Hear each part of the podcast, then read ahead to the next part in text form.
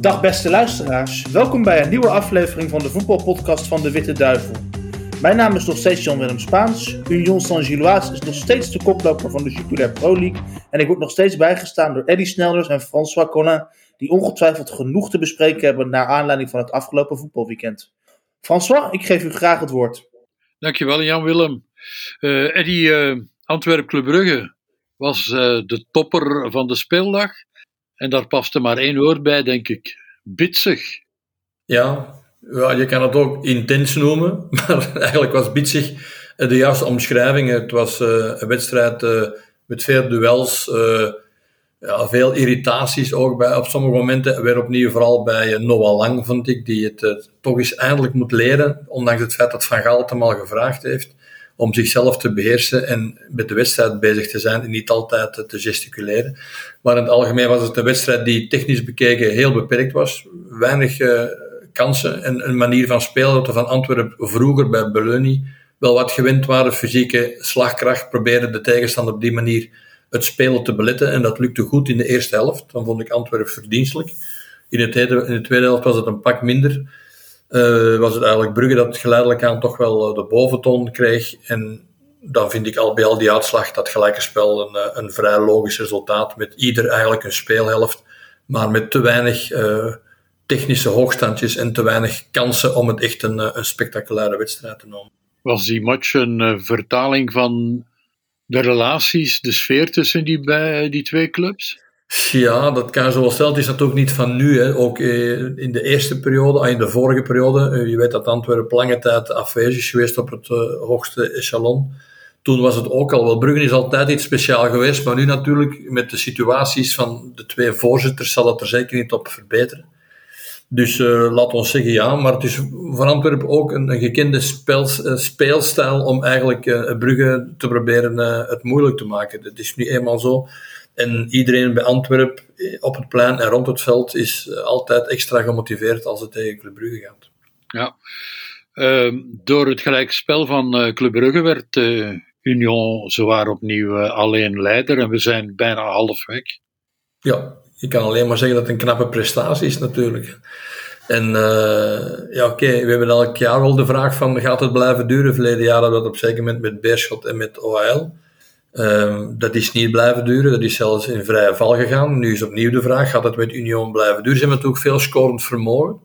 Dat is een, een enorm voordeel. Ze hebben ook uh, heel veel variatie in hun spel. Ze hebben een, een, snelle ploeg die, die, die heel goed omschakelt. Dus ze hebben natuurlijk wel wat mogelijkheden.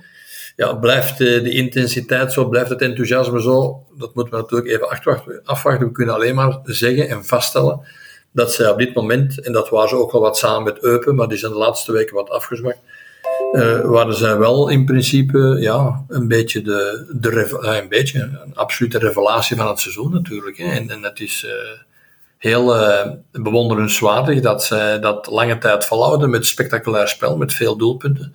En uh, nog altijd in een positie die in principe, laten we eerst al stellen, Europees voetbal kan, alleen play-off 1 kan afgedwongen worden. En dat daar misschien een kans op, op Europees voetbal zou kunnen ontstaan. Maar we weten allemaal, uh, in voetbal, als het keert, kan het snel keren. Dus we moeten toch nog altijd, vind ik wel, een beetje voorbehoud maken. Maar hetgeen dat we al gezien hebben van Unio is uh, in ieder geval heel knap. Zoals in Eupen waren er problemen met de fans. die, wat is er aan de hand met de voetbalsupporters? Ja, wat is er aan de hand? Uh, iedereen heeft daar zijn eigen mening over. De ene zeggen van uh, te veel afwezigheid door corona, dat er nu exploot komt. Ik vraag me dan af waarom, dat dat dan zo ineens zo'n exploot moet zijn. En de ander zeggen het is een, uh, een soort mentaliteit in de maatschappij. Dat was vroeger ook al zo met het hooliganisme, daar hebben ze toen ingeperkt. Is het opnieuw aan het opkomen? Het is wel een feit natuurlijk. Zelfs Eupen, dat bijna een topploeg aan het worden is, heeft problemen met zijn fans. Maar ik veronderstel dat dat maar een tijdelijk fenomeen zal zijn. Zowel de agressiviteit van de fans als het, uh, het fenomeen topploegen in de eerste vier van Eupen. Dus ik denk dat dat zichzelf wel gaat uh, elimineren. Maar voor de rest natuurlijk bang afwachten wat, uh, wat de grote clubs gaan doen. Wat de achterban gaat blijven doen van Brugge. Ook in dat geval tegen Manchester City met die man die er in, de, in tankstation wordt, wordt knock-out geslagen. Ik bedoel, waar zijn we toch allemaal mee bezig? Dus laten we hopen in ieder geval dat er een, een sein komt vanuit de, vanuit de, prof, vanuit de Pro League, of, of toch zeker vast vanuit de Belgische Voetbalbond. dat er toch paal en perk zou kunnen aangesteld worden, want je mag dat natuurlijk niet laten ontkiemen. Je moet dat eigenlijk vrij kort op de bal spelen en eigenlijk heel snel af, afdekken. Ja, Agent lijkt plots weer op de goede weg. Het probleemkind van het moment is Racing Genk. Ja, dat varieert wel even in de Belgische competitie. We hebben, als Anderlecht niet had gewonnen, had Anderlecht ook al een probleemkind geworden. Uh, Genk heeft nu, uh, dacht ik, vijf wedstrijden achter elkaar, of nu zes wedstrijden achter elkaar verloren. Ja, dan heb je een probleem natuurlijk, zeker als je een club bent die mee de titel of mee toch de concurrentie voor de titel wilt ambiëren.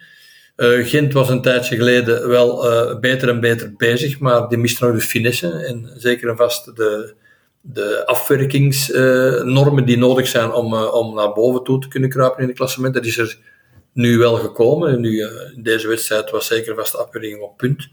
Het spel op zich is al weken blijkbaar veel beter. Dus wat dat betreft, ja, dan zie je toch als de resultaten gaan komen en als er verschillende overwinningen aan elkaar komen, dan zie je dat je heel snel kan stijgen in het klassement. Dus zij zijn uit de moeilijke periode blijkbaar uit en kunnen nu naar voren kijken. En Genk, ja, Genk eh, hoor ik van alle kanten zeggen, ook van de trainer is een crisis. Vind ik wat onverstandig van een trainer die dat zelf afroept.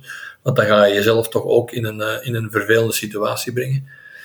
Dus alleen maar afwachten natuurlijk, hè, wat de volgende wedstrijden gaan brengen. Uh, veel verliezen mogen ze niet meer doen. Ik dacht dat ze nu naar Zulte moesten, dus ik denk dat daar een overwinning noodzakelijk zal zijn. Want een ploeg als Genk kan zich uiteraard niet permitteren van, van lange tijd op de dool te zijn. Maar het is een jaarlijks weerkomend fenomeen. Je hebt dat met Standaard, je hebt dat met Genk. Je hebt het eigenlijk bijna met alle ploegen het verleden jaar. Dus ik denk dat het nog wel ook Genk het verleden jaar nog een moeilijke periode, want toen was er ook sprake van gaan we Van de Brom houden ja of nee, maar omdat Van de Brom al de derde trainer was dat jaar, hebben ze hem dan toch maar gehouden en achteraf hebben ze alles gewonnen. Dus ja, dus je ziet, te snel de trainer buiten gooien mag, ook, mag je ook weer niet doen. Maar het zal toch uh, afwachten worden nu. En uh, ik denk vooral Van den Brom zelf met een bang hart naar de, de volgende wedstrijd toe kijken. Ja, hij mag in elk geval voorlopig nog blijven, maar zijn assistent moet weg. Ja. Dat gebeurde ook al bij Cercle Brugge, waar Thomas uh, Buffel uh, ontslagen werd, maar uh, Ivan der Hagen niet. Wat is het idee daarachter? Wat, wat lost zoiets op? Ik heb geen enkel idee. Het is de eerste keer dat ik dat fenomeen nu tegenkom. Maar Buffel zei zelf dat hij het voor zichzelf had uitgemaakt, omdat de combinatie met zijn trainerschap bij de nationale ploeg dat dat niet combineerbaar meer was. Uh, maar wat de achterliggende reden is, François, ik heb geen enkel idee. Ik weet niet wat de bedoeling is om iemand uit de kleedkamer uit te halen. Lag je niet goed in de kleedkamer? Was hij met verschillende spelers in conflict? Um, was hij niet gewild in het begin? Was het een eis van Van den Brom? Waar dat al uh, veel mensen zich aan geïrriteerd hadden door de, de, weken door. Dat het nu de moment was om te zeggen van, die man moet eruit, want wij willen die eigenlijk niet. Uh, je weet, op momenten dat het wat minder goed gaat, dan worden er meestal wel links rechts een rekening afgerekend. En misschien is dit er eentje dat je kan zeggen van ja, uh, hij ligt niet goed in de groep, maar we hebben het getolereerd voor Van den Brom. Maar nu dat het, de resultaten niet goed zijn, vinden wij niet dat die jongen of die man kan blijven. Maar het is een, een, een, een, een, nieuw element dat ik eigenlijk vroeger... Vroeger was het meestal de hulptrainer die bleef, want dat was iemand die verbonden was met, uh, met de bestuurskamer. Dat is al lange tijd achterhaald omdat de trainers hun eigen medewerkers zelf meebrengen. En de meeste ploegen moeten dat dan ook oogluikend toezien, niet altijd met uh, het nodige enthousiasme. Maar dat ze dat nu eerst elimineren voor de trein, het is een goedkopere oplossing waarschijnlijk, maar ik vind het toch eigenlijk, ja, ik weet niet wat het nut er eigenlijk van is. Ja, het is, eh, we doen maar op en we hopen dat het goed uitvalt, zoiets. Ja, ja ik heb de indruk, ja, of ik, zeg het misschien als ze denken van ja, in, de kleedkamer, we hebben links-rechts van spelerschap, maar dat kan ik mij met Thomas Buffel bijvoorbeeld wel niet indenken, maar met die ken, die ken, uh, haar ken ik niet. Dus uh, vonden ze hem uh, op een of andere manier uh, storend in de groep, dat dat de bedoeling is. Ze zeggen van oké, waarschuwen van een bron, jij nog niet, maar die eerste man, je vertrouwensman wel. Kan zijn. Je hebt de naam Anderlecht al even laten vallen. Eindelijk weer gewonnen, maar ja, echte euforie, die was er toch niet in het, in het Lottopark. Nee, maar goed, oké, na vier gelijke spelen, als je dan nog eens wint, dan ben je sowieso tevreden. De tegenstander was natuurlijk ideaal. Dan kan je zeggen, ja, maar een, een, een gewoon dier zoals Beerschot met zo weinig punten, dat is altijd gevaarlijk. Nee, dit, deze match moest je absoluut winnen, als vanuit Anderlecht hoogpunt. En dat is ook gelukt, dus dat wil zeggen, er is opnieuw aansluiting. Uh, langs de andere kant hebben ze ook uh, asportief uh, vrij goed nieuws gekregen, dat Koeken zijn schulden niet meer gaat, voorlopig de eerste jaar niet gaat terugvorderen. Het was maar 50 miljoen, had ik gehoord, dus ja, dat maakt voor Koeken blijkbaar niet zo heel veel uit. En um, dat zijn toch de geruststellende zaken, waardoor dat terug meer de focus op het sportieve kan gelegd worden, en dat er toch wel wat meer bewegingsruimte is op het op het administratieve en op het financiële vlak. Dus dat zijn ook positieve punten. En voor de rest, ja, dit is, was geen, geen, geen, geen ankerwedstrijd hè, tegen Beerschot. Het was alleen een noodzaak, je moest winnen. En nu de volgende wedstrijden moet je dat ook weer blijven doen en dan wordt het misschien weer wat moeilijker. Maar deze wedstrijd was, hebben ze zichzelf op zeker moment zover in de, met de rug tegen de muur gezet dat ze verplicht waren van deze te winnen. En hoe komt het? Ja, als je de vorige dan minder resultaat haalt, dan ben je op zeker moment verplicht van, van een wedstrijd te winnen. En dat was dan tegen Beerschot, maar dat is eventjes een oefensituatie, maar, maar zeker geen, uh, geen situatie van we zijn er helemaal door. Dat zullen, dat zullen de volgende wedstrijden moeten uitmaken. Het, straks komt uh, Europa er weer aan. Uh, de voorbije week heeft ons wel uh, met de voeten weer op de grond gezet. Ja, um, het kwaliteitsverschil tussen City en tussen Brugge was extreem groot. Uh, voor diegenen die dachten dat, wij, dat Brugge kon challengen uh, met de top van Europa, oké, die weten dan nu dat dat nog niet echt het geval zal zijn. Uh, langs de andere kant moet ik zeggen, als we de, de Europa League. En, maar ik vind Van Brugge nog altijd, als je, als je derde kan zijn en je overleeft in die groep, dan vind ik altijd het fantastisch gedaan. Dus je moet sowieso, of je moet sowieso met PSG en met, met City geen rekening houden, al niet van in het begin. Maar je creëert natuurlijk meer verwachtingen door het feit dat je een 4 op 6 haalt en City op zeker moment verliest in PSG, ja, dan zijn ze verplicht van natuurlijk iets meer te doen. En dan zie je maar eerst hoe groot dat, dat verschil eigenlijk is. Ga er maar vanuit dat City en PSG 1 en 2 zijn en dat je nog altijd alles uit de kast moet halen om die derde plaats te moeten blijven behouden. Want Leipzig kan even goed. Kan goed zijn dat dat punt van PSG nog van, van cruciaal belang gaat zijn. Gewoon omdat je thuis tegen Leipzig nog niet de zekerheid hebt dat je, dat je die wedstrijd gaat. Maar dat te buiten vind ik, het parcours dat ze tot nu toe gedaan hebben, ondanks deze, dit groot klassenverschil, vind ik, vind ik, eh, vind ik knap. omdat je toch nooit verwacht had dat ze zouden challengen op die manier. Maar of dat het resultaat gaat opleveren, is nog wat anders.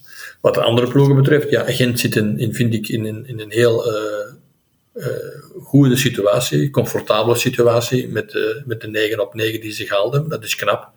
Alleen spreekt natuurlijk de Conference Cup en vooral ook de ploegen waar tegen je speelt, met alle respect, die spreken niet tot de verbeelding, maar oké, je moet het toch maar doen. Dus ik denk, Gent gaat onze eerste ploeg zijn die zich gaat kwalificeren en die gaat misschien niet alle wedstrijden nodig hebben. Antwerpen heeft van zich eh, heeft weer werk geboden in, Fener, in Fenerbahce. Dat is goed, dat is knap. Dat punt zal niet voldoende zijn om, om je voor de Europa League te plaatsen. Gaat dat voldoende zijn om nog te kunnen overwinteren in de Conference Cup? we zullen hem moeten afwachten. Het is een vrij uh, hobbelig parcours wat dat betreft voor Antwerpen. Twee keer eigenlijk alles uit handen gegeven en eigenlijk maar 1 op 9, dat is eigenlijk veel te weinig. En Genk, ja, Genk heeft de lijn van de competitie ook in de Europa League doorgetrokken natuurlijk. Hè, met eerst die zware optater thuis. En dan ja, nu West Ham, dat weet je dat een moeilijke wedstrijd werd. Dus daar verliezen, dat kan zijn. Maar in de situatie waar Genk zich bevond, is elke, over, elke nederlaag natuurlijk vervelend. Ook al is het op West Ham. En nu moet je dat thuis gaan rechtzetten. En we weten allemaal dat het niet zo evident zal zijn om dat zomaar tegen West Ham te kunnen doen. Dus ik denk ook dat zij een groot probleem gaan hebben om, uh, om te kunnen overwinteren. Dus wat dat betreft hopen we dat Brugge de Europa League kan halen. En dat Antwerpen misschien nog, uh, dat, ging, dat ging de Conference uh, League of Conference Cup kan blijven verder spelen. En dat Antwerpen misschien, maar ik geloof er niet in, ook misschien nog een strohalmpje voor die Conference Cup heeft. Maar oké, ik denk dat we, dat we er twee kunnen overhouden in twee verschillende competities maar niet in de Champions League. Met deze balans kunnen we eindigen. Dank je, wel, Eddy. Graag gedaan. En dan is het aan mij om Eddy en François te bedanken voor hun tijd vandaag. Ik dank u allen voor het luisteren en hoop u bij onze volgende aflevering van de Witte Duivel Voetbal Podcast opnieuw te mogen begroeten. Tot ziens!